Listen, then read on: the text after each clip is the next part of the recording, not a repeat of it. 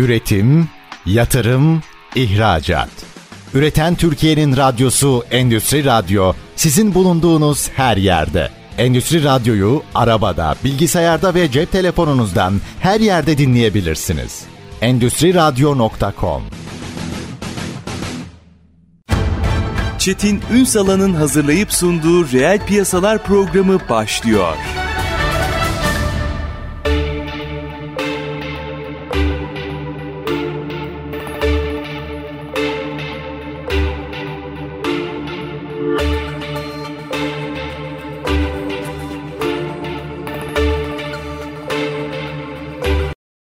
Piyasalardan merhabalar. Türkiye'nin gerçek gündeminde birlikteyiz. Efendim bugün görüntü teknolojileri pazarını konuşacağız. Görüntü ne kadar kritik bir hal aldı. Bir an hayatınızda düşünsenize. Görüntüsüz bir şey yapmıyoruz neredeyse. Yani bu profesyonel anlamda yani broadcast anlamında da olabilir. E, sizin şahsi telefonunuzda ama görüntü galiba bir numaraya oturdu. Her yanıyla tabii. Burada bambaşka bir teknoloji var. Bambaşka bir pazar var. Özellikle nasıl diyelim temaşa sektörünün diyelim eskilerin tabiriyle görüntüyle çok özdeşleşti. Biz bugün bu profesyonel görüntü teknolojileri sektörünü mercek altına alacağız. Kıymetli bir konumuz var. Barko Avrupa Başkan Yardımcısı ve Türkiye Ülke Müdürü Mehmet Deniz Kaya. Bugün reel piyasaların konu. Sayın Kaya hoş geldiniz efendim. Hoş bulduk. Hakikaten şöyle bir düşündüm de her şeyimiz görüntü oldu galiba değil mi? Evet. Hatta şöyle e, sohbetler geçiyor aramızda. Ya bu, bunun e, görüntüsü iyi değil. E, daha yüksek çözünürlüklerde bir görüntüye ulaşmamız lazım. Daha önce profesyonellerin konuştuğu bu olaylar vatandaşın kendi arasındaki konuşmalara kadar girdi. Evet. Bu bir algı.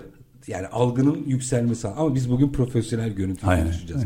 Nasıl bir sektörden bahsediyoruz? İlk önce buradan bir başlayalım mı? Şimdi genelde teknolojideki çoğu şey askeriyle başlayıp profesyonel sektöre gelip oradan son kullanıcılara iniyor. Bu tarihsel olarak öyle bilirsiniz belki. Yani ilk çalışmalar askeri alanda. Daha sonra profesyoneller bunu devralıyor. Daha sonra son kullanıcılar bunu kullanıyor. Çok benzer aslında. Yani ileri teknoloji her şey askeri alanda başlayıp daha sonra profesyonellere geçip oradan da aşağı doğru iniyor. Ee, öyle bakılabilir aslında. E tabii şimdi akıllı telefonlar ve her şeyin dijitale dönmesi ve onun da yani büyük datayla beraber görsellenme ihtiyacı bunu e, vazgeçilmez kıldı. Profesyonelle son kullanıcı ayrımı da bayağı azalmaya başladı.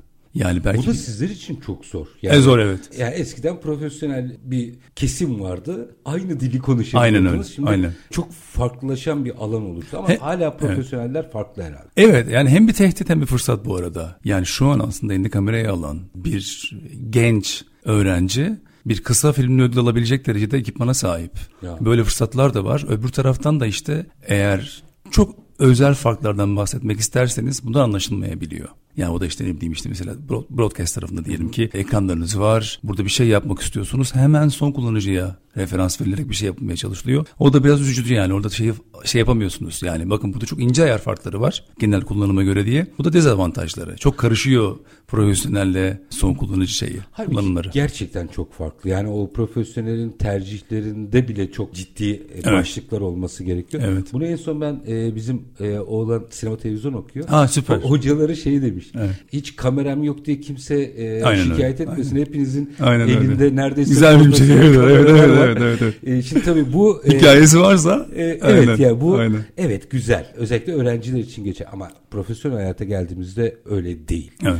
E, orada nasıl bir teknolojik gelişim var? Hayır. Şimdi biraz konuyu detaylandırmak için açayım isterseniz. Yani kamu tarafıyla özel sektör arasında bazı farklar var. İkisini ayırarak anlatayım. Ee, hem dinleyenler hem sizin için de açık olsun. Özel sektör tarafında enteresan trendler var. Özel sektör tarafında kullanılan görüntülemelerde. Görüntü teknolojisine girmeyeceğim çünkü galiba programın şeyi de o değil. Biraz daha trendten bahsedeyim istiyorum. O açacağım orayı. Hay hay tamam siz merak ediyorum. Hay hay. Şimdi özel sektör tarafında mesela diyelim çok önemli binalar var, yüzeyler var. Galata Kulesi, Kız Kulesi, Topkapı surları. Bunlar bina olarak, yüzey olarak önemliydi. Şimdi hareketlendi. İşte mapping uygulamaları vesaire geldi. Hem ha- daha halkın oldular. Yani bu sayede hem daha hareketli hale geldiler. Yeni jenerasyon oluyorlar. Ve evet yani yeni jenerasyon da ilgisini çekiyor ve daha interaktif yani daha akılda kalıcı daha fazla şey yapabiliyorsunuz yani bir duvarın fotoğrafını çekmekten öte. Burada bir mapping trendi var yani statik bir yüzeyi hareketlendirme ile ilgili. Aynı trend müzelerde de geçerli. Yani dijital sanat bugün her yerde. Hemen referans vereyim belki duymaz belki duymaz Refik Anadol mesela eskiden beraber çalıştığımız müthiş dünyaca ünlü e, bir sanatçı. Onun ürettiği aslında sanat görsellikle çok ilintili. Yani yaptığı hiçbir şeyi gösteremez. Eğer iyi bir görsel teknolojiye sahip değilse. Dijital sanat acayip büyüyor. Mesela müzeler. Ya bugün yeni bir jenerasyon Z jenerasyonu bin yıllık bir eserin karşısında geçip ona statik bakmak istemiyor. Orada artılmış gerçeklik istiyor. Eserin ona konuşmasını istiyor. O hayatının bir parçası haline gelsin istiyor. Instagram'ına koymak istiyor. Burada koca bir trend var yani böyle ilerleyen. Kamu tarafı daha dertli.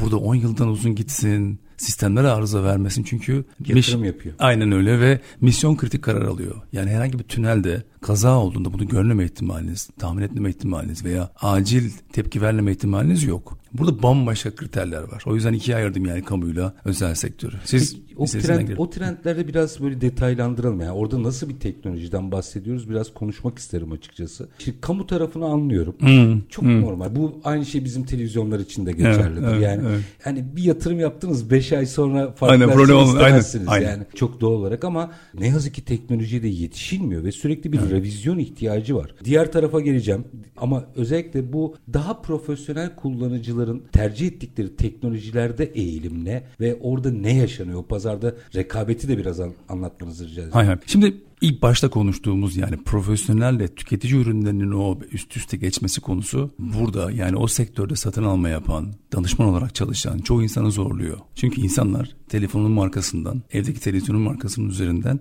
bir tünel kontrol merkezini, bir havaalanı kontrol merkezi ne proje yapmaya kalkınca orada işler yürümüyor. Çünkü 10 yılı ve üzeri kullanılmasını bekledikleri sistemler en üst teknoloji istiyor. Hatta diyor ki ya 10 yıl sonra da ben hiçbir masraf etmeden bu sistemi yenileyebilir miyim? Revize Haklı olarak revize edebilir miyim? Bu bir konu. Bunu galiba anladınız. Yani uzun dönem kullanma, toplam sahip olma maliyetleri, bunların revize edilebilmesi ve tekrar söylüyorum yani misyon kritik karar alma, hayati kritik karar alma konusu söz konusu buralarda. Hiçbir şey kaçırmanız mümkün değil. Orada tabii ki ekranlar, oradaki görüntü yönetimi, görüntü işleme bizim uzman olduğumuz alanlar. Yani bir 10 yıl ve üzeri gidecek bir, bir yüzey oluşturmanın yanında orada sağlayacağınız içeriğinde doğru işlenmesini istiyorsunuz. Onu biraz açar mısınız? E şimdi şöyle, diyelim ki siz plaka okuyorsunuz hı hı. veya yüz tanıma yapıyorsunuz. Eğer doğru görselleyemezseniz gö- görsellediğiniz şeyin hiçbir şeyi yok, önemi yok. Yani düşük çözünürlük bir kamerayla sizin için fotoğrafınızı çeksem, siz yüksek çözünürlük bir yerde göstermek isteseniz tanınmaz hale gelebilirsiniz Aynen gibi. Öyle.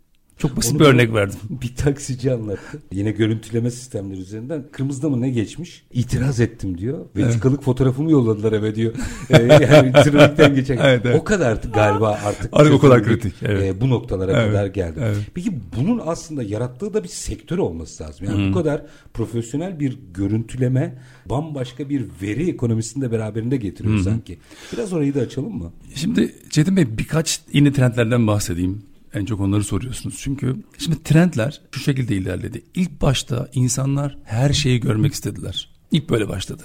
Yani herhangi bir kullanıcının yanına gittiğinde ne yapmak istiyordun? Ben buraya dünyanın en büyük ekranında kurmak istiyorum. Bu ilin en büyük ekranı burada olsun ve ben her şeyi görmek istiyorum. Kameramı göreyim, haritalarımı göreyim. Bilmiyorum işte SCADA vesaire gibi özelleşmiş sistemlerimi göreyim. Her şeyi görmek istedi. İlk trend böyle başladı. Ondan sonra bu görmenin yeterli olmayacağını, bu sistemi idame ettirmesi gerektiğini anladı. Burada servis koşulları öne çıkmaya başladı. Teknoloji, toplam sahip olma maliyeti ve ne kadar uzun süre kullanabilirim. Bu kritik hale geldi. Şimdi ya benim çok yerde konuştuğum konulardan bir tanesi de bu. En kritik konulardan bir tanesi. Ya bizim görmeye ihtiyacımız var mı? Göreceksek neyi görmeliyiz? Ee, hani görmek istediğimiz şey en kritik olarak ne ve ne zaman görmeliyiz gibi akıllı görme, akıllı bir şekilde hani görselleme konusu öne çıkmış durumda. Akıllı, bunu biraz açar mısın? Bu ilginç hay hay. bir konu. Hay hay. Şimdi eskiden biraz şey veriyorum, bağlam veriyorum Hı-hı. size. Nereden örnek vereyim? Avras tüneli olsun. Hı-hı. Mesela bir tünele girdiğinizde sizin arabanızın görüntüsü, tüneldeki skada, yangın sonu onlarca sistem çalışıyor. Tüneldeki kaza çok ciddi bir şey çünkü yani çok zor bir işleri var. bir şey. Aynen öyle. Şimdi ilk yapacağınız şey ne olur? Her şeyi görselleyip Orada 8-12 saat çalışan operatörden onu yakalamasını beklemek olur değil mi? Bir şey olursa gör. Mümkün mü değil. Olasılığı yönetmek aslında galiba. galiba. Yani bir şey olmadan önce bir tahmin etmeniz gerekiyor. Burada algoritma kritik. Yapay zeka kritik. Olduktan sonra da iş süreçlerini çok hızlı yönetecek olan bir sisteme ihtiyacınız var. Buraya evrildi yani iş birazcık daha. Mesela acayip derecede tahminsel algoritmalar çalışıyor. Operatöre destek olsun diye. Yani o çok biraz böyle fütüristik görünse de gerçekleşen bir şey var. Yani yapay zeka ile operatörün en sıkıştığı çok şey var. Örnek vereyim mi size daha kolay çok bir örnek olsun. Ben buraya gelirken taksiye bindim. Adresi Google e, Maps'e girdi. Haritalara girdi ve öyle geldik. Neyi kullandı? Algoritmayı kullandı. Ama yolculuğun tamamının güvenliğiyle ilgili şoför sorumluydu gibi aslında ne olması gerekiyor? Şimdi buraya evrildi yani. Eskiden sonra sonra buluyordu. Yani oradaki insan faktörü şoför Tabii. İşin güzergahını veren de görüntüleme Evet mesela veri. daha detaylı bir şey söyleyeyim. O yolculukta algoritma mesela acayip derecede uzmanlaşmış doğru mu? Yani nerede trafik verisi var onu söylüyor. Ama çevreyle ilgili hiçbir şeye sahip değil. Yani yolculuk boyunca taksicinin algıladığı hemen hemen hiçbir şeyi algılamıyor. Tek özelleşmiş bir sistem üzerinden gidiyor. Situational awareness dönüyor. Yani bu çevresel farkındalığı getiren şoför. Orada- Bir örnek bu arada bu. Bir- biraz açalım bu örnek önemli daha güzel bir örnek oradan açalım biraz. Şimdi aslında biz görüntüleme sistemlerini doğru kurgularsak aslında olasılıkların tamamını algoritmaya yükleyebiliyoruz doğru mu? Şimdi şöyle algoritma hem tahminsel açıdan işinize yarayabiliyor. Bir de her şeyi görsellemenize gerek yok. Bir olay olduğunu önünüze getirebiliyor. Ve tabii şöyle bir şey de istemiyorsunuz ya. Yani bir olayla ilgili olay bir yerde bir şekilde olmuyor ya. Bir yerde bir şey patladığında sadece o patlamayla ilgili değilsiniz ya. Çevrede ne var? Ambulans nerede? İnsanlar neredeler? En yakın toplanma alanı nerede? Süreç yönetiyorsunuz. Bu evet aynen öyle. Bu durumsal farkındalıkla ilgili bir şey. Operatörün hazırlandığı yer okey. Bana bir trigger, bir input geldiğinde ben nasıl bir senaryo izleyeceğimi planlıyor. Şey bu, sistem bu. Yani her şeyi göreyim. İşte şansıma da bir de bir şey olur onu yakalarım gibi değil artık yani. Yani güzel. Bence bu ayrım güzel. Çünkü öbür türlüsü biraz yine amiyane tabirle ameliyeye dönüyor. Tabii tabii tabii öyle olur. İşin yapay zekaya teslim ediliyor olması lazım. Şimdi e, minik bir araya gideceğim ama araya gitmeden önce şunun yanıtını alayım öyle gideyim. Hay hay. Şimdi bu kadar gelişme aynı zamanda ciddi bir know-how ve arge yatırımı demektir. Profesyonel alanda bu kamu için de olabilir. Özel hay hay. Şöyle bir durum var. Bunların hepsini alayım ama bedelini ödemeyeyim. Onu ne yapacağız? Yani neticede günün sonunda bunun bir maliyeti var.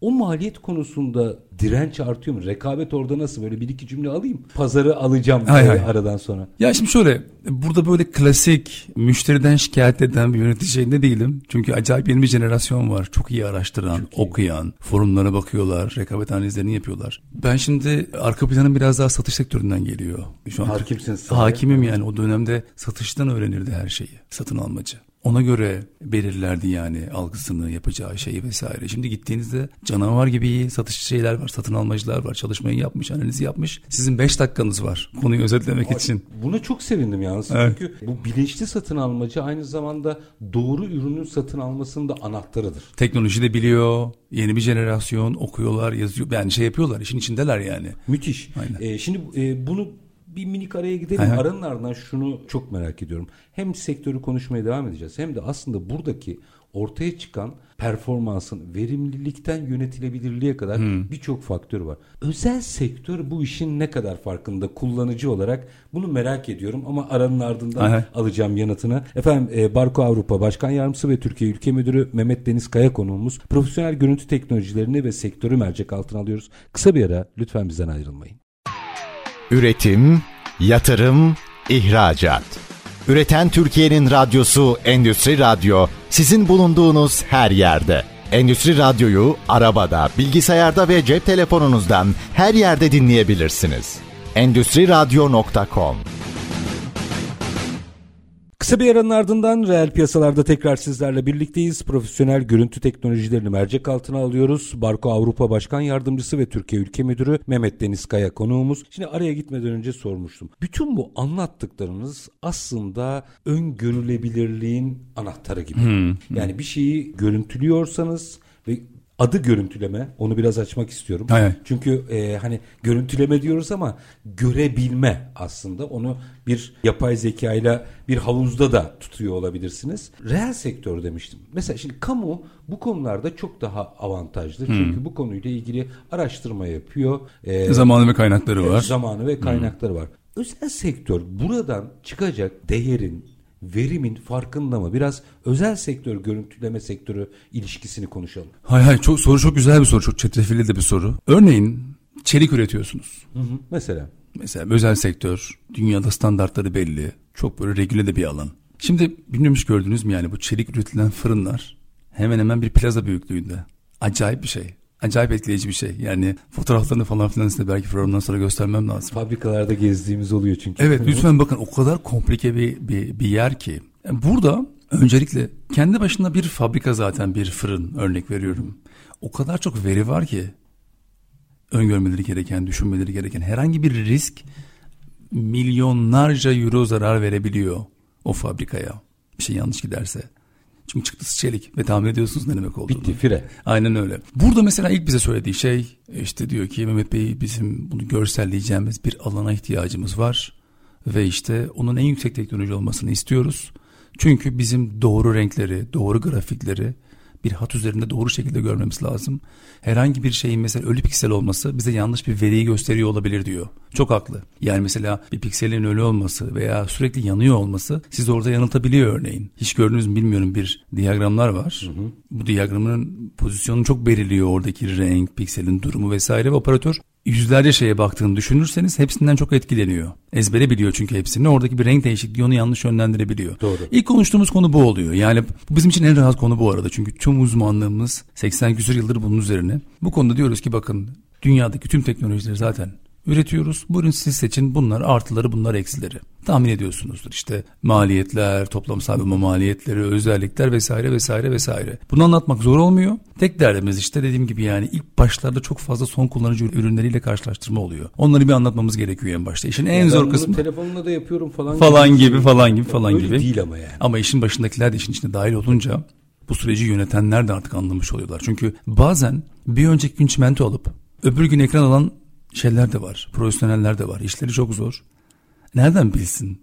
yani en başta. Aslında bu anlattığınız e, iş süreçlerini tamamen minimum hataya getirmeye elverişli süreçler, alanlardan, teknolojilerden bahsediyoruz aslında.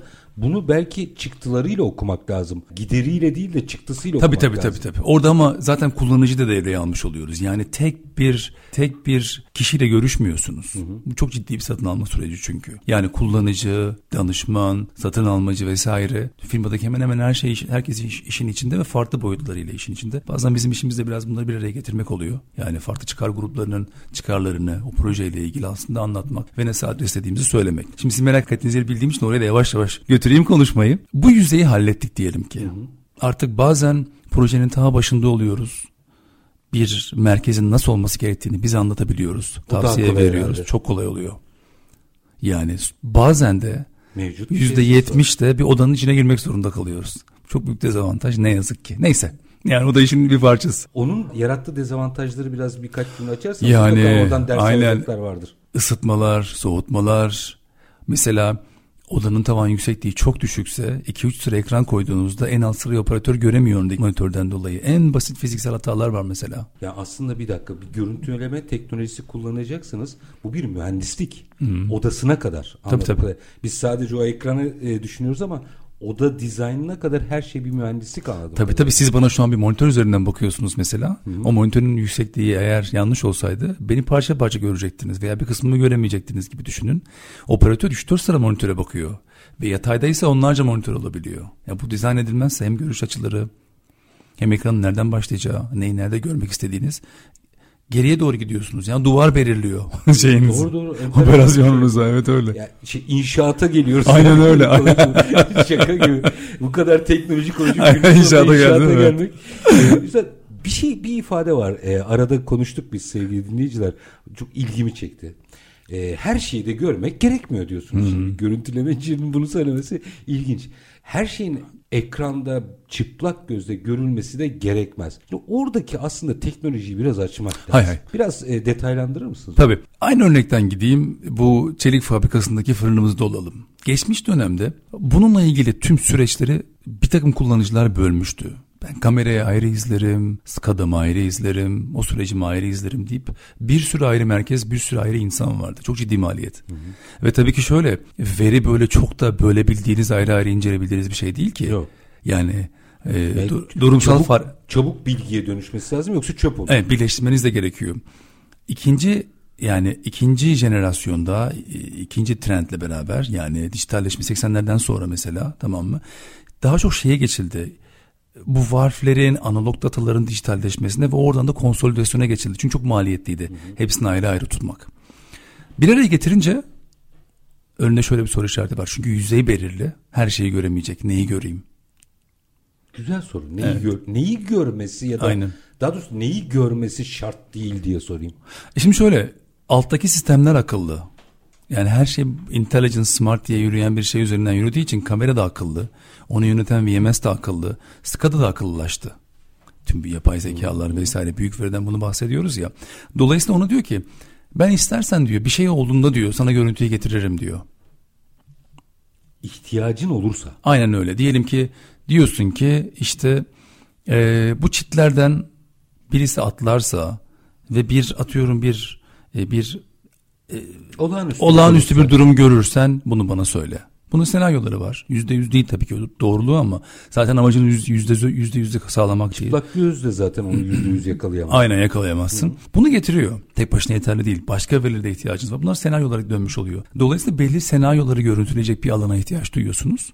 İş oraya gelmiş oldu. Yani okey kamera sistemi bana bunu söyler. SCADA sisteminin böyle bir şey olması lazım. Okey ben bu senaryoyu, bu iş akışını görsellersem yeterli deyip biz de bunu konuşuyor. Ve bize söylediği şey ondan sonra şu oluyor. Ya pardon siz bu yüzeyi sağlıyordunuz. Bu veriyi nasıl buraya yansıtacağız dediğiniz zaman da bizim işimizin en önemli ikinci kısmı başlıyor. Yani veri işleme. Biz yıllar önce kulak çınlasın buradan kahvecinin bakan danışmanı Erdoğan Kutlu'yla çok sohbetini yaptık. Hı. Sınırlar için çok konuştuk ya, çok mesela. Iyi. Çok iyi. Yani evet Mehmetçiğimiz bizim tamam orada dursun ama saatlerce evet. orada bir Mehmetçiğin evet. durması evet. gerekiyor çok iyi örnek. bu teknolojide. Çok iyi örnek. E, bu tip şeyleri sınırda da fabrikada da galiba tartışmamız gerekiyor artık. Evet. Yazılımlar bu işleri artık çözüyor görüntüleme sistemleriyle birlikte. Orayı biraz açarsanız belki hani sınır örneğinden gidelim. O herkes fabrikasının içerisi içinde bunu öngörebilir iş süreçleri adına. Gerçekten orada birinin beklemesi gerekmiyor artık. Doğru ama askeri boyutunu e, bilemem. Evet, evet. Teknolojik yani, olarak söylüyorum. Konu bunun düşündüğünüzden daha komplike olması ile ilgili. Yani sadece oradan birisi geçti mi geçmedi mi değil ya kafanızdaki soru işareti. Daha fazla veriye ihtiyacınız var. Bunun gündüzü var, gecesi var, mevsim koşulları var, harita verileri var, hata payları var. O yüzden komplike. Evet birinin beklemesi gerekmiyor. Size bir örnek vereyim. Lütfen. Şimdi tam açıklayabilir merak ettiğiniz şey. Diyelim ki kendi kendine giden bir arabanız var. Otonom araçlar. Otonom araçlar. girecek. Evet. Otonom araçlar aslında düşünürseniz aslında çoğu şey yapmıyor mu? Yapıyor olacak değil mi? Buradan Ankara'ya gidiyorsunuz. Sizin aslında rotanızı biliyor, ne zaman şeyinizin, pilinizin biteceğini biliyor vesaire vesaire vesaire. Bilmediği bir şey var. Çevresel veri. Neler var? İklim şartları var. Neler var? Sesler var. Bir sürü veriyi toplayamıyor mesela. Bununla ilgili de siz durumsal farkındalıkla o işin içindesiniz. Yani otonom araç önündeki araçla ilgili fren mesafesini hesaplayabiliyor. Ama Şeridi şey, okuyor. Aynen yola öyle. Yola fırlayacak bir Birini e, köpeği mesela atıyor. Göremeyebiliyor. Göremeyebiliyor. Aynen öyle. Ana yolda. Çok iyi bir örnek oldu. Çünkü Sınırı evet kameraları koydunuz, izliyorsunuz. Bir orada teknik limitler var. Onları açsanız bile daha çok fazla veriyi bir araya getirip akıllı sonuçlar çıkarmanız gerekiyor. Konu bu aslında yani. O yüzden hala insana, hala operatöre, hala bir komuta kontrol merkezine ihtiyacınız yani var. Aslında hibrit esas hibrit. anladığım kadarıyla Aynen bir öyle. sürede böyle gidecek. Aynen öyle. Bu uzaktan çalışmada da galiba sizler bir şekilde devreye girdiniz. Şimdi o boyutunu da açalım. Bu ara herkes uzaktan çalışan şirketler haline evet. dönüştü. Ya o taraftaki çözümlerimiz görsellemeden öte görüntü paylaşımı ile ilgili. Orada her yer çok biliniyor. Buton üzerinden görüntü paylaşımı diye bir şey ürettik firma olarak. Yani artık görüntü ile ilgilenmedik bu görüntünün paylaşımı ile ilgili. E şu an bayağı 10 toplantı odasının tahminim 6-7 tane veya 7 tanesinde kullanılıyor bu cihazlar. Dünyada bu arada. Ee, Türkiye'de geçtim yani bayağı dünyada kullanılıyor. Bunlar kritik oldu çünkü artık ben de yönetici olarak burada zorlanıyorum. Herhangi bir yeni jenerasyon Z kuşağını %100 ofise gel, gel getiremezsiniz.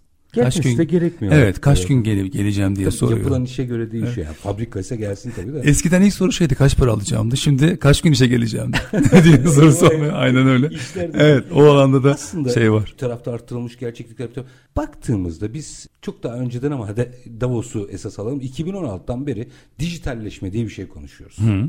Bütün bunları görüntüleme sistemleri ve teknolojisi olmadan yapabilmemiz çok da mümkün gözükmüyor. Ama en az burayı konuşuyoruz. Bu nasıl bir çelişki? Yani çünkü insanlar aslında o işin zaten çok rahat olduğunu, 3-5 tane ekranı bir araya getirerek bu işi çözeceğini düşündüğü için daha sonra işin ta sonunda geriye sarmaya başlıyorlar. Yani Ama iş... çok yanlış bir Evet öyle yani. Yani sizin deminki oda meselesine dönüyor. Aynen öyle. Ya biz buraya bir oda koymuştuk. Tüm cihazları aldık. Sıra geldi ekranlara diye bakıyor. Bazı kullanıcı grubu. Herkes demiyorum bazı çünkü bayağı hani Elbette o, yani. şeyler de var. Ama biraz uç örnek verelim. Her şey alınmış. Tüm hardware alınmış, yazılımlar alınmış. Hadi bunu izleyelim diye bir odaya geliyor. Ha diyor. Pardon bunu buraya sığmayacak. Bunları göremeyeceğim deyip geriye dönüyor. Bu tabii çok garip bir durum. Gerçi zamanla öğrenilecektir. Yani mesela bize de televizyonlarda bir stüdyoya bakarken hiçbir şeye bakmayız. İlk önce tavan yüksekliğine bakardık. Bu sizin söylediğiniz ona geliyor. Yani e, iki metre bir tavana hadi stüdyo kuralım Ama stüdyo benziyor. cidden cidden ya o sektördeki çoğu kullanıcı bu ses ve görüntü tarafındaki en iyiler zaten. Yani TRT'nin eski personeli mesela gerçekten çok uzman. Yani rengi biliyor, görüntüyü biliyor. Ama yani şey o örnekten yola çıkarak Onun içinden gelmiş yani. Fabrikalarda onun e, atıfta bulundum. Yani o iki metre tavana hadi stüdyo kuralım demeye dönüyor anladığım Aynen öyle öyle ona dönüyor aynen. Çok geç gelmiş. Kamerasını almış her şeyini Hayır, almış. her şeyini almış. Pardon stüdyo Nasıl olsa işte diyor ki dört tane ekranı kurarız oraya izleriz diyor. Sonra bakıyor ki o iş öyle değil. Artı mesela bu yüzeyde ne göstereceğiyle ilgili neyi nerede görecek hangi senaryoları çizeceğiyle ilgili çalışmamışsa eğer gerçekten başa dönüyor. Burada teknoloji artık ucu neredeyse ucu açık bir yere geldi. Bu sizleri çok zorluyor mu? Yani sonu yok bir noktadayız. Her şey dönüyor. Dünyanın en muhteşem yazılımını koyun. Günün sonunda herkes görüntüye bakıyor. Bu çok ağır bir yük değil mi? Yani evet şimdi mağazanın ne olduğunu vitrinden anlıyorsunuz. Biz biraz vitrin tarafındayız o yüzden zor. Çünkü her şeyi gösteren vitrin gibi. Bir işin show tarafı var. Herkes yaptığı işin görünmesini istiyor. Yani ben hatta bir dönem diyordum yani satın almaların %70'i show tarafı için. Biz orada çok avantajlıyız yani. 80 küsur yıldır bu işi yapıyoruz diyoruz ki yani burada ne istersen mümkün. Bu birinci konu. İkinci konu ise işin teknik tarafına hemen dönüyoruz. Bizim çünkü işimiz fazla şey de değil yani. Hani okey en iyi ekranları kullandın ama ne göstereceğin sorusu bizim müşteride en çok zaman harcadığımız konu. Çünkü müşterinin ekranı anlaması daha kolay. Doğru. Görüyor çünkü. Görüyor, demo yapıyoruz. Yan yana farklı ürünleri koyuyoruz. Bunları inceliyor. Haftalarca kullanabiliyor. Ama ne göstereceksin ve neden sorusu başka bir uzmanlık ve ben bayağı orada katma değer kattığımızı düşünüyorum. Yani aslında bilmiyorum ben fabrikalarda çok daha avantajlı olduğunuzu düşünüyorum. Yani bir SCADA'da şurada burada orada işin profesyoneliyle muhatap oluyorsunuz. Belki de öyle değil ben yanılıyorum bilmiyorum ama tabii her fabrikada kurumsal olmuyor. Ama iş birazcık daha herkesin görebileceği alanlara gittiği anda orada biraz akıllar Ha, çok iyi. Evet, çok iyi anladım demek istediniz. Yani mesela en baştaki e, çelik örneğimizde gerçekten görsellik en kritik konu değil. O, bazen olabiliyor da yani sonuç olarak bir ziyaret geldiğinde yani onu görmek ister ne yapıldığını vesaire. Dolayısıyla buraya bir parantez açayım. Ee, Bu artık show business. aynen adına. show business dönüyor. O da önemli yani sonuç olarak herkes Yani, e, ama Evet. o ekstradan Ekstradan şey. olmuş Asıl oluyor. fonksiyonel orada iş yapması. Tabii tabii yani bir de acayip maliyet baskıları var. Şu anda yani rekabet öyle. aynen öyle yani ne yeri var ne çalıştıracak personeli var. Yani üç tane kontrol adam olsun E işte üç var diye insan koyarım. Bunlar da işte atıyorum izler değil artık yani. Rekabet ettiği firmalar dünya ünlü firmalar. Onlar ne yapıyorsa en az en azından onu ve daha iyisini yapmak zorunda. Böyle bir gerçeklik var. Fabrikada da öyle, çoğu yerde öyle. Ve sanıyorum şapkadan sürekli tavşan çıkarmanızı bekliyorlar. E Yani ama ben şeyim daha umutluyum. Seviyorum bu işi Daha diyorsunuz. umutluyum. evet yani daha Peki, umutluyum. birazcık daha konuşacağız. E, çünkü büyüyen de bir pazar. Barko Avrupa Başkan Yardımcısı ve Türkiye Ülke Müdürü Mehmet Deniz Kaya konuğumuz. Kısa bir ara. Aranın ardından reel piyasalarda e, profesyonel görüntü teknolojilerini konuşmaya devam edeceğiz. Bizden ayrılmayın lütfen. Üretim, yatırım, ihracat. Üreten Türkiye'nin radyosu Endüstri Radyo sizin bulunduğunuz her yerde. Endüstri Radyo'yu arabada, bilgisayarda ve cep telefonunuzdan her yerde dinleyebilirsiniz. Endüstri Radyo.com Kısa bir aranın ardından reel piyasalarda tekrar sizlerle birlikteyiz. Profesyonel görüntü teknolojileri sektörünü mercek altına alıyoruz. Konuğumuz Barko Avrupa Başkan Yardımcısı ve Türkiye Ülke Müdürü Mehmet Deniz Kaya. Şimdi e, Sayın Kaya bu operasyonu biraz konuşmak lazım farklı yönleriyle. Bir kere galiba hibrit dediğimizin en güzel alanlarından biri bu. Ama ve lakin. Şimdi öyle bir sektörden bahsediyorsunuz ki bazen bir pilotun önünde bazen bir CNC tezgah Evet, operatörünün evet, önünde. evet, çok güzel örnek verdiniz. Bu kadar dağılımda oradaki profesyonelin yani bununla içli dışlı olan profesyonelin eskisi gibi olma şansı sanki yok gibi. Dijitalleşmeden hep işte fabrikaların dijitalleşmesini, süreçlerin dijitalleşmesini, görüntülemenin dijital hepsini konuşuyoruz ama oradaki operatörü dönüştürmek mümkün mü ve orada hangi özellikleri taşıması gerekiyor? Ben Size geldim dedim ki bana muhteşem bir sistem kurun. Kurdunuz. Sevgili İsa da zaten daha önce orada çalışan biri. İsa'yı getirdim o teknolojinin başına koydum. Evet. Ona hangi özellikleri yüklemeliyim ki uyum sağlasın? Hay hay. İki soru var. Bir İsa ile ilgili soru var. İsa'nın özelliklerinin olması gerektiğiyle ilgili İsa soru var. teknik yönetmenimiz. Evet. Stüdyoda görev çaldı. İsa yanı başımızda o yüzden konuyu iyi anlayacak. Bir konu var. Bir de İsa'ya ihtiyaç var mı konusu var. İki konu var önümüzde. Yani bir İsa olacaksa o İsa nasıl İsa bir İsa yanımıza olacak? yalnız ona göre. İnsanın iç güvenliği tehlikede şu anda arkadaşlar. Şimdi bir şuradan gireyim. Daha böyle iş daha da karışıklaşsın. Siz seviyorsunuz karışık. Daha da derinle, derinlemesine gitmeyi. Şimdi bir doktor. İsa bir doktor olsun örneğimizde değil mi? Radyoloji uzmanı olsun. Bir film geldi önüne. Bir ekranda onu inceliyor. Bu arada yani orada bayağı işte mamografi ekranları vesaire aktif olarak çalıştığımız için örneği vereyim istedim. Herhangi bir pikseldeki hata bir tümör de olabiliyor. Teşhis hatasına neden olabilir. Aynen öyle. Bu bir konu. Hani ekranın kusursuz olması gerekiyor. Evet görüntü kısmındaki en önemli konu bu. Orada herhangi bir hata yapamazsınız. Ben o sektörde uzman olmasam da orada görüşmelerimde gittiğimde ya işte diyorlardı Mehmet Bey ya şaka mı yapıyorsunuz böyle ekranlar da var biz bunu alır geçeriz. Bir soru soruyordum. Kendi filminizi Ha, çok güzel. bunu da görmek istiyor musunuz? Aa, hayır. Ederim yani bunun hakkınız da yok. Hiç kimsenin filmini orada görmeyin. Nefis bir örnek vermişsiniz. Evet. Çünkü çok insani bir durum yani. Hani satın Orada alma. yanlış bir teşhis bambaşka şey. Evet yani ama bir de kendi satın almacı kendi kendi atıyorum akciğer filmini artık her neyse orada görünsün istemiyor. Keza aynı şey bir pilot için de geçer. aynen öyle. Şimdi bu bir, bir konu evet yani ekranın kusursuz muntazam olması gerekiyor. Bu arada aynı ekran en başında bahsettiğimiz dijital sanatlara kullanılıyor. Çünkü ana kriterler çok benzer. Aynı ekran komuta kontrol merkezinde de kullanılıyor. Yani aynı teknoloji diyeyim. Birebir aynı şey değil de. Dolayısıyla yani buradaki kusursuzluk, buradaki aslında işin uzmanlığı, çok niş bir alanda olmak bizim için aslında bir avantaj. Çok rekabet de yok zaten bu alanda. Çünkü çok niş bir yerde çok hayati bir iş yapıyoruz. Bunu da biliyor yani bu bizimle beraber en azından konuşmaya başlayan kullanıcı. Muhatap. Evet ve en azından 6 ay geçen bir de eğitim tarafı da oluyor. Konuşuyorsunuz, anlatıyorsunuz, demo yapıyorsunuz. İşin en zor kısmı da bu arada. Sonra zaten ha böyleymiş diye anlıyor. O eğitimle birlikte mi kullanıcı e, doğru vasfa ulaşıyor? Ha şimdi e, o İsa ile ilgili ikinci kısma geçmek istediğiniz için söylüyorsunuz. Şimdi bir, bir şu, şu, şu tarafta sizi biraz daha rahatsız edecek şeyler söyleyeyim. Bu doktorla ilgili yapay zekanın filmlerle ilgili teşhisteki doğruluğu doktorunkinden daha yüksek. Evet bu çok konuşuluyor zaten. Şimdi evet yani de böyle bir Hakimler içinde konuşuluyor Öyle doktor. bir, bir durum da var. Onu da söyleyeyim yani. Burada iki tane şeyden bahsediyoruz. Bir yani algoritma kısmı ve bizim orada olayı nasıl gördüğümüz iki o doktora gerek olup olmayacağı konusu. Bu kritik İsa'ya gerek var mı konusuna buradan bakmamız gerekiyor. İkinci kısım yani İsa'nın hangi özelliklerinin olması gerekiyor konusuna gelince Arada örnek verdiğim araba örneğine geri döneyim. Siz 100 yıldır dizel, benzin motorlu araba öğretmişsinizdir. Dünyanın en büyüğüsünüzdür. Birisi kalkıp ya pardon ama bizim motorla bir işimiz yok. Pil ve software ile İşi iş bitireceğiz. yapıyoruz dediği anlara çöküyor iş. Yani dolayısıyla şu an İsa bayağı network, siber security ve birçok birçok multidisiplinden anlayan bir birey olarak orada oturuyor. Yani artık İsa'nın orada İK olarak insan kaynağı Yıkılmış oldu bir İsa. şekilde dönüşmesi gerekiyor anladığım Evet, kadarıyla. evet. Birçok şeyi bilmesi gerekiyor. Ama mesela doktorlarla ilgili ve hakimlerle ilgili bu Amerika'daki bir örnekte çok şey yapıldı. Orada da etik problemi geliyor. Yani yapay zekanda etik kaygısı yok. Ha, çok iyi bir örnek. Evet çok çok çok önemli bir konu.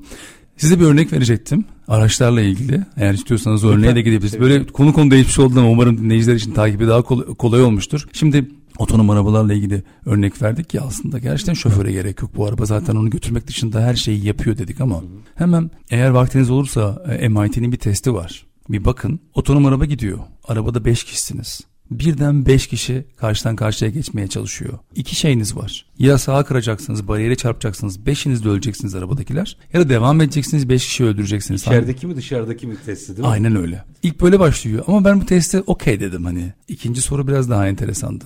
Arabada gidiyorsunuz. Karşınıza bir tane hırsız çıkıyor. Karşıdan karşıya geçiyor. Çarparsanız hırsız ölecek. Kırarsanız siz öleceksiniz. Ne yapardınız? Hırsız olması bir şey değiştirir mi?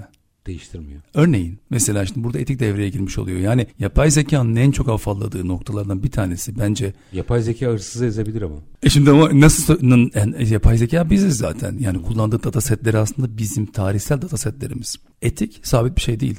Zaman içinde değişmiş, evrilmiş. Çok dinamik bir şey. O yüzden de yapay zeka data setleriyle bu işi çözemiyor. Çünkü insanoğlunun etik anlayışı evrimsel süreçle beraber çok değişmiş. O yüzden en çok zorlanacağı yerlerden bir tanesinin konuyu özetleyeyim diye söylüyorum. Etik olduğu konusunda birebir sizle aynı fikirdeyim. Ve buradaki yanlılıklar yani kognitif bias deniyor bilişsel yanlılıklar çok önemli bir mevzu. Data setleri çünkü insanın data setleri. Doktor yazıyorsunuz beyaz biri geliyor gibi bir örnek vereyim. Bu bir konu. İki, durumsal farkındalığı çok zayıf yapay zekanın. O yüzden de operatöre ihtiyaç var. O yüzden de bir İsa'ya ihtiyaç var şu anda. İsa kurtardı yani. İsa geçmiş olsun. e, ama tabii İsa'nın da kendini geliştirmesi gerekiyor. Bütün bu sistemler Tabii tabii. Aynen öyle. Kadarıyla. Şimdi yine bir örnek daha vereyim mi? Burada çok ilgimi çekti çünkü. Evet. İK da dediniz ya İsa İK beraber gitti. Mesela eminim burada çok değerli katılımcılar bunlardan bahsetti. Ben tekrar ediyorsam çok özür dilerim. CV'nizi bir insana göre yazmıyorsunuz artık. Ha, çünkü yapay zeka. Bir arama motoruna göre yazıyorsunuz. Yani evet, evet. sizi seçen LinkedIn'in veya nereye CV gönderiyorsunuz onun arama motoru. Sizi bir insan seçmiyor bir insana tabii ki yani ilk seçimi bir, bir arama motoru yapıyor. Yani insanın önlemeleri yapıyor. Tabii ki. Ama çok önemli. yapay zekayı atlatarak geçmeniz Aynen lazım. öyle. Belki belki 100 bin taneden 5 kişiyi seçip İK yöneticisinin önüne getiriyor ve orada insanın rekabeti yapay zekayla. Doğru. İşte aslında bunların hepsi yine görüntülemeye döndüğümüzde Aynen. bu detayların hepsi doğru okunması gereken ve işlere yedirilmesi gereken iş. Evet yani hem kamuda hem özel sektörde tekrar görüntülemeye geçersek mesela Refik Anadolu'dan bahsettik. Ya. Dünyaca ünlü nereye gitsem gurur duyuyorum ben yani buradan onlarca kere selam. Yani şimdi yaptığı şeye görselleyeceği zaman bunu doğru bir şekilde göstereceği yüzeye ihtiyacı var. Canvas diyelim ona bir yüzeye ihtiyacı var. Bu yüzeyin her anlamda mükemmel olması gerekiyor. Ki şimdi e, sanatta çok fazla ön plana evet, çıkmaya evet. başladı görüntüleme teknolojileri. Aynen. Orada bir şeyi merak ederim. Belki 5 dakikamız var. Türkiye'nin pozisyonunu da konuşmak isterim. Siz gitmiş dönmüş Türklerden. Dönenlerden. İyi ki de döndünüz ayrı konu. Ama Türkiye'nin de burada pozisyonlanması adına belki dünya ile biraz mukayese edelim. Biz bu teknolojileri çok iyi kullananlarız. Hı hı. Her türlü teknolojiyi çok iyi kullanırız. Ama teknolojiye üretim aşamasındaki katkımız ne noktada olabilir? Biraz e, o mukayeseyi yapalım. Tamam. Keşke uzun olsa daha detaylı girebilsek çünkü konu çok şey. Bir içerik tarafına bakmak lazım. Refik Anadolu oraya getiren aslında içerik tarafı değil mi? Doğru. Dolayısıyla yani Türkiye tamam teknolojide belki çip üretmeyecek. Belki o dijital fabrikaları burada başkaları kuracak. Bizim gençlerimiz burada çalışan olacaklar. Ne hala okey. Ama içerik üreten bir yer burası. Yani Refik Anadolu içeriği üretti günün sonunda. Mazruf yani. Yani. Zarf değil. Evet içeriği ürettiği için Sinemaya geçelim. Bizim aktif olduğumuz sektörlerden bir tanesi de sinema. Yeni dünya sineması nereden çıkıyor ki? Amerika'dan çıkmıyor bana sorarsanız. Meksika'dan çıkıyor, Arjantin'den çıkıyor, Hindistan'dan çıkıyor, Türkiye'den çıkıyor. Doğru. Yaşam buralarda tüm kaotik değil, tüm gerçek değil, an be an bir akvaryumun dışında yer alıyor. Dolayısıyla içeriği yine biz üreteceğiz. Teknoloji üretiminin neresinde oluruz? Ne kadar bunun içinde oluruz bilmiyorum ama yani ülkenin potansiyeli çok yüksek. Yeter ki bu siyasi politik tarafa tutabilelim bir şekilde. Bir stabilite olsun. Bir şekilde İlla. Evet yani bu ülkenin ben herhangi bir bir düzen yüzünden yavaşlayacağını düşünmüyorum. Her ne olursa olsun. Hı hı. O potansiyeli çok acayip çünkü. Bir sürü yatırımcıyla konuşuyoruz. Dışarıdan gelen potansiyeli içeridekinden çok daha iyi görüyor. Beni şaşırtıyor acayip. Yani benim göremediğim o kadar çok şey görüyorlar ki. Bu yüzden ben biraz daha böyle çoğu konuda daha umutluyum. Bu alanda peki mesela siz Niye gelip Türkiye'de ayrı bir operasyon yaptınız? Bu tamam söyledikleriniz gerekçe içerikle ilgili ama baktığınızda anladığım kadarıyla burada görüntüleme teknolojilerine yönelik bir büyüyecek pazar potansiyeli de görüyoruz. Görüyoruz evet. Tabii Türkiye'yi sadece Türkiye olarak da ele almamak lazım. O potansiyelden de biraz bahsedebilir misiniz? Tabii. MENA diye sorayım ben tabii, size. Tabii tabii yani Middle East yani Orta Doğu işin içinde, e, Afrika işin içinde, da Doğu e, Avrupa'da işin içinde. Birinci potansiyel bence pandemiyle ortaya çıkan tedarik zincirlerindeki kırılmalarda Avrupa için Türkiye hiç olmadığı kadar kritik bir yere geldi. Benim çocukluğumdan beri Türkiye'nin jeopolitik öneminden bahsedilirdi. O önem şu an orada. Polonya var, Türkiye var. Aslına bakarsanız yani. Herkes şey ele geldi. Aynen aynen. Yani bu kırmaları aşabilecekleri ender ülkelerden bir tanesi. Amerika için bence Meksika, Avrupa için Türkiye. Ve o anlamda jeopolitik olarak acayip iyi bir yerde. O yüzden yani Türkiye'de potansiyeli ben görüyorum. İki, çok ciddi anlamda kamu çabası var. Savunma sanayini bir yere getirmek evet, için, evet. altyapı yatırımlarını tamamlamak için. Yani bugün Viyana'da değil yani bu, bu çaba. Türkiye'de şu an bu çaba tüm bu genç nüfusuyla yer alıyor. O yüzden bizim için çok kritik. Bölge için enteresan bir hub. E, benim en büyük amaçlarımdan bir tanesi mesela ekibimle beraber Avrupa operasyonlarının bir tarafını buraya kaydırmak. Lojistiğinden işte atıyorum işte bazı e, idari işlere kadar buradan çok dilli konuşan bir sürü genç var. Bunu çok daha iyi koşullarda yapabilecek. Yakın zamanda yaptığınız işbirliği bununla alakalı mı? Bir parça öyle. Çoğu beraber çalıştığımız iş ortaklarımız aslında işlerini büyütüyorlar. Hı hı. Çoğu Türkiye'ye çok güveniyor ve çok ciddi yatırımlar yapıyorlar. E, yani şey değil şu anda ya seçime bakarız ondan sonra karar veririz gibi değil. Çok uzun planlar yapıyorlar. Ekonomi öyle yönetmez zaten. Aynen öyle. Yani çok uzun planlar firmalar yapıyorlar. Öyle yönetmez en azından. Aynen buradan onlara selamlar bu arada. Çok ciddi yatırımlar yaptılar. Ekiplerini büyüttüler. Bu kapsamda hepsi bir resmin bir parçası.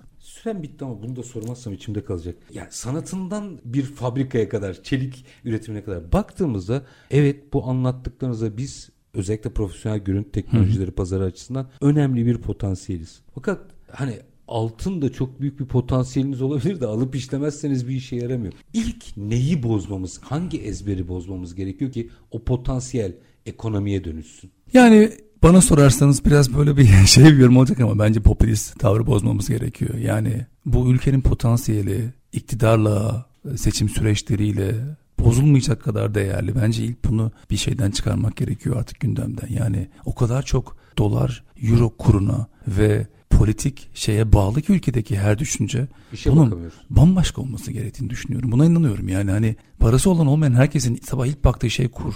Bu olmamalı yani evet. O zaman sanıyorum görüntüyü netleştirmemiz gerekiyor. yani çok keyifliydi. Çok keyifli bir sohbetti. Benim için yani hem aslında ekonomiye dair hem Türkiye'nin potansiyeline dair hem de profesyonel görüntü teknolojileri sektörüne dair çok keyifli bir e, sohbetti. Barko Avrupa Başkan Yardımcısı ve Türkiye Ülke Müdürü Sayın Mehmet Denizkaya. Çok teşekkür ediyorum. Ben teşekkür ederim. Trafikte kalanlara selamlar. Var olun. Ben de buradan selam söylüyorum. Efendim o zaman biz her zamanki gibi bitirelim. Şartlar ne olursa olsun paranızı ticarete, üretime yatırmaktan, işinizi layıkıyla yapmaktan ama en önemlisi vatandaş olup hakkınızı aramaktan vazgeçmeyin. Hoşçakalın efendim.